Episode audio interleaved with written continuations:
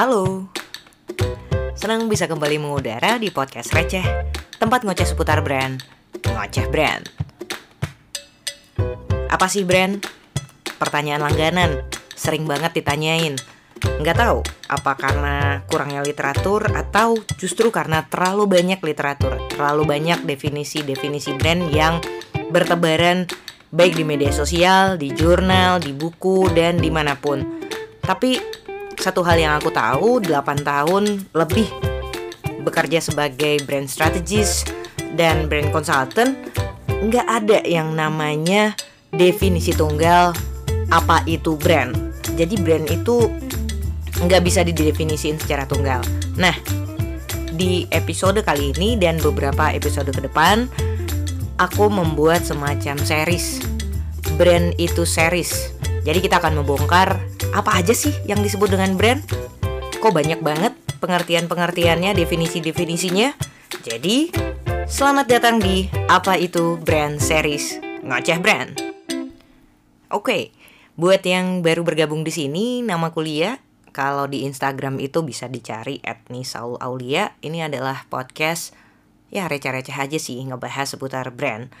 Dan ini adalah episode pertama Brand itu series yang mana kita akan membahas banyak sekali pengertian dan sudut pandang tentang brand. Jadi kita mulai aja. Yang pertama, yang paling banyak dibahas. Brand itu adalah cerita, brand itu story, brand is a story. Maksudnya gimana sih? Brand itu sebagai cerita? Nah gini, brand itu menarasikan dan meliterasikan bisnis, produk, jasa, atau apa pun yang kamu sedang tawarkan ke market. Jadi brand itu mampu menceritakan kemampuan kita bercerita tentang bisnisnya kita. Bayangin aja kalau semisalnya kita punya bisnis tapi kita nggak bisa jelasin bisnis kita itu ke target market. Target market nggak akan pernah ngerti. Target market tentunya nggak akan pernah engage dengan kita. Misalnya ketika kita mau menjual produk tentu kita harus menceritakan, menjelaskan kenapa produk itu penting kenapa produk itu dibutuhkan oleh si target market dan kenapa produk itu adalah produk terbaik untuk memenuhi kebutuhannya. Termasuk menjelaskan tentang kenapa produk itu jauh lebih bagus daripada produk kompetitor atau produk sejenis lainnya yang ada di pasaran. Itu aja udah bercerita. Lalu menceritakan kenapa kita hadir, apa filosofinya kita, apa nilai-nilai yang dianut, kemudian waktu bikin konten ketika bikin konten untuk media sosial dari bisnisnya kita, dari produk, tentu kita harus menceritakan. Nah, bercerita ini juga nggak harus selalu verbal, tetapi juga bisa secara visual. Tetapi di sini intinya adalah ketika kita sudah punya kemampuan untuk menceritakan bisnis, produk, jasa, atau apa pun yang kita tawarkan kepada market secara jelas, maka itu berarti kita sudah bisa membangun brandnya kita. Kadang brand itu bisa dipahami sesederhana itu, bisa dijalani sesimpel itu. Tapi pertanyaannya adalah, gimana caranya kita bisa bercerita tentang bisnis, produk, dan jasanya kita? Tidak semua orang mampu bercerita. Ada yang memang sudah dari lahir kerjanya ngoceh aja, uh, bisa bercerita apa pun gitu. Tapi ada juga yang kesulitan untuk mengungkapkan perasaan atau mengungkapkan ide ketika ada sesuatu yang ingin disampaikan, baik verbal maupun visual. Nah, menurutku ini dari pengalaman uh, menghadapi beberapa klien juga dan juga tim sendiri, termasuk pengalaman pribadi, orang-orang yang tidak mampu menceritakan ide atau mengungkapkan ide, kadang-kadang bisa dibilang adalah orang-orang yang tidak tahu harus menjawab pertanyaan apa. Jadi, salah satu tips ampuh untuk mampu bercerita adalah dengan menyusun pertanyaan yang paling tepat untuk kita jawab duluan. Karena ketika menceritakan itu kita seperti melakukan Q&A sendiri di dalam kepalanya kita. Oke, mungkin tips yang selanjutnya itu udah sangat biasa banget. Tetapi nggak semua orang mau melakukannya. Bukan persoalan mampu, tapi mau. 5W 1H. Kita pernah bahkan sering banget dengar tips ini ya. Kayak wartawan atau kita belajar bahasa Indonesia ketika di pelajaran mengarang misalnya adalah 5W1H. Uh, itu adalah adopsi dari bahasa Inggris sebenarnya. Uh, ada why, ada what, ada who, ada where, when, and how. gitu ya. Tapi intinya adalah kita akan nanya tentang kenapa, apa, siapa, di mana, kapan, dan gimana, bagaimana gitu ya. Um, ini adalah sebuah framework yang sederhana, tapi sangat-sangat membantu kita untuk menceritakan bisnisnya kita sehingga bisa menjadi sebuah brand.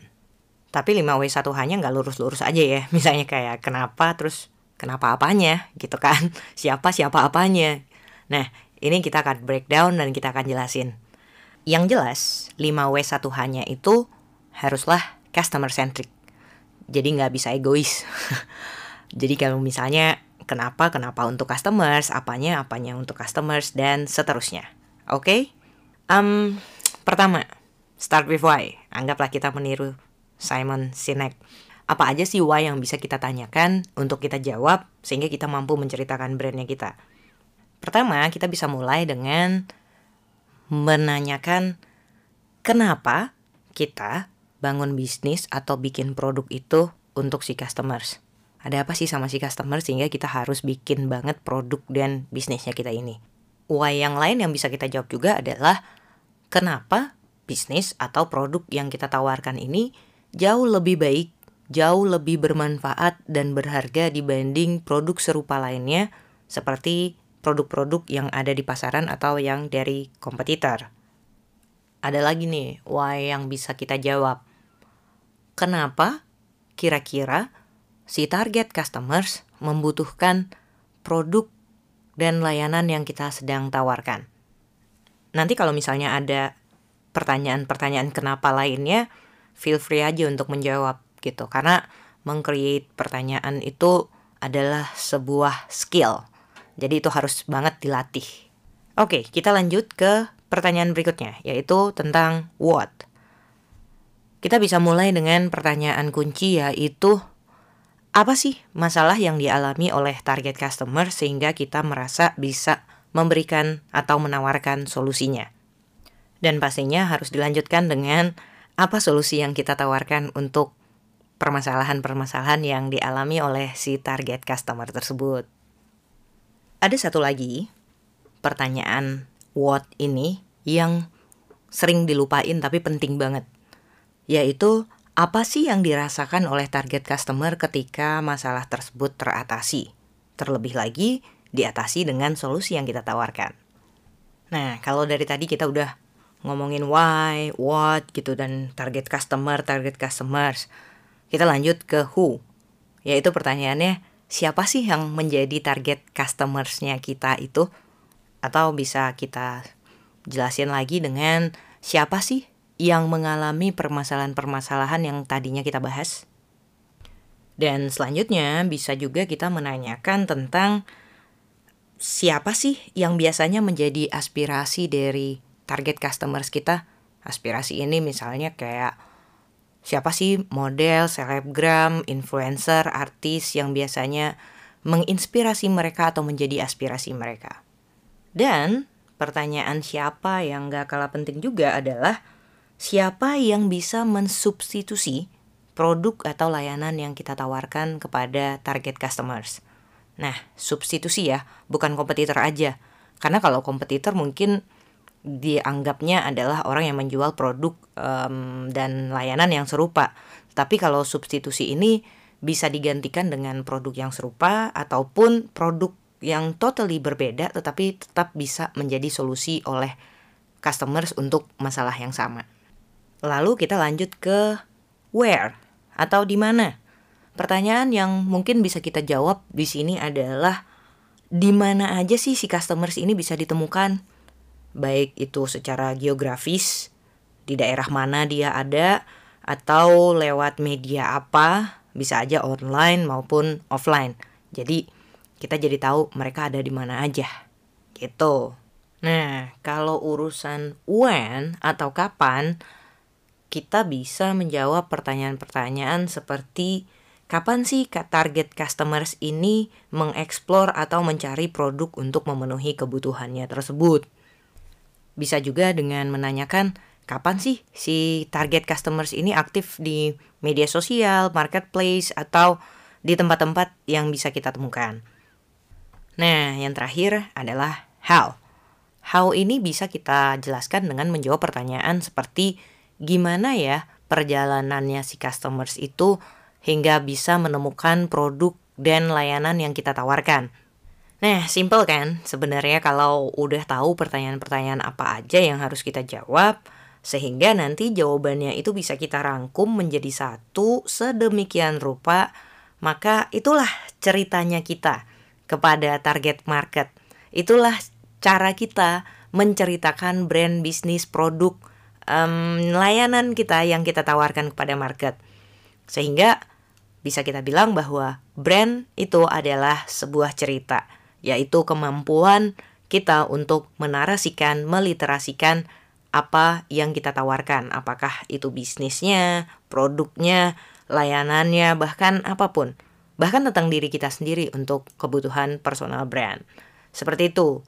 Nah, mungkin ada satu hal lagi, satu prinsip singkat lagi yang mungkin bisa berguna untuk teman-teman dan ini mungkin sering kali aku bahas di episode sebelumnya yaitu Pastikan semua jawaban kamu itu mengandung yang namanya DNA, yaitu distinction, novelty, and attributes.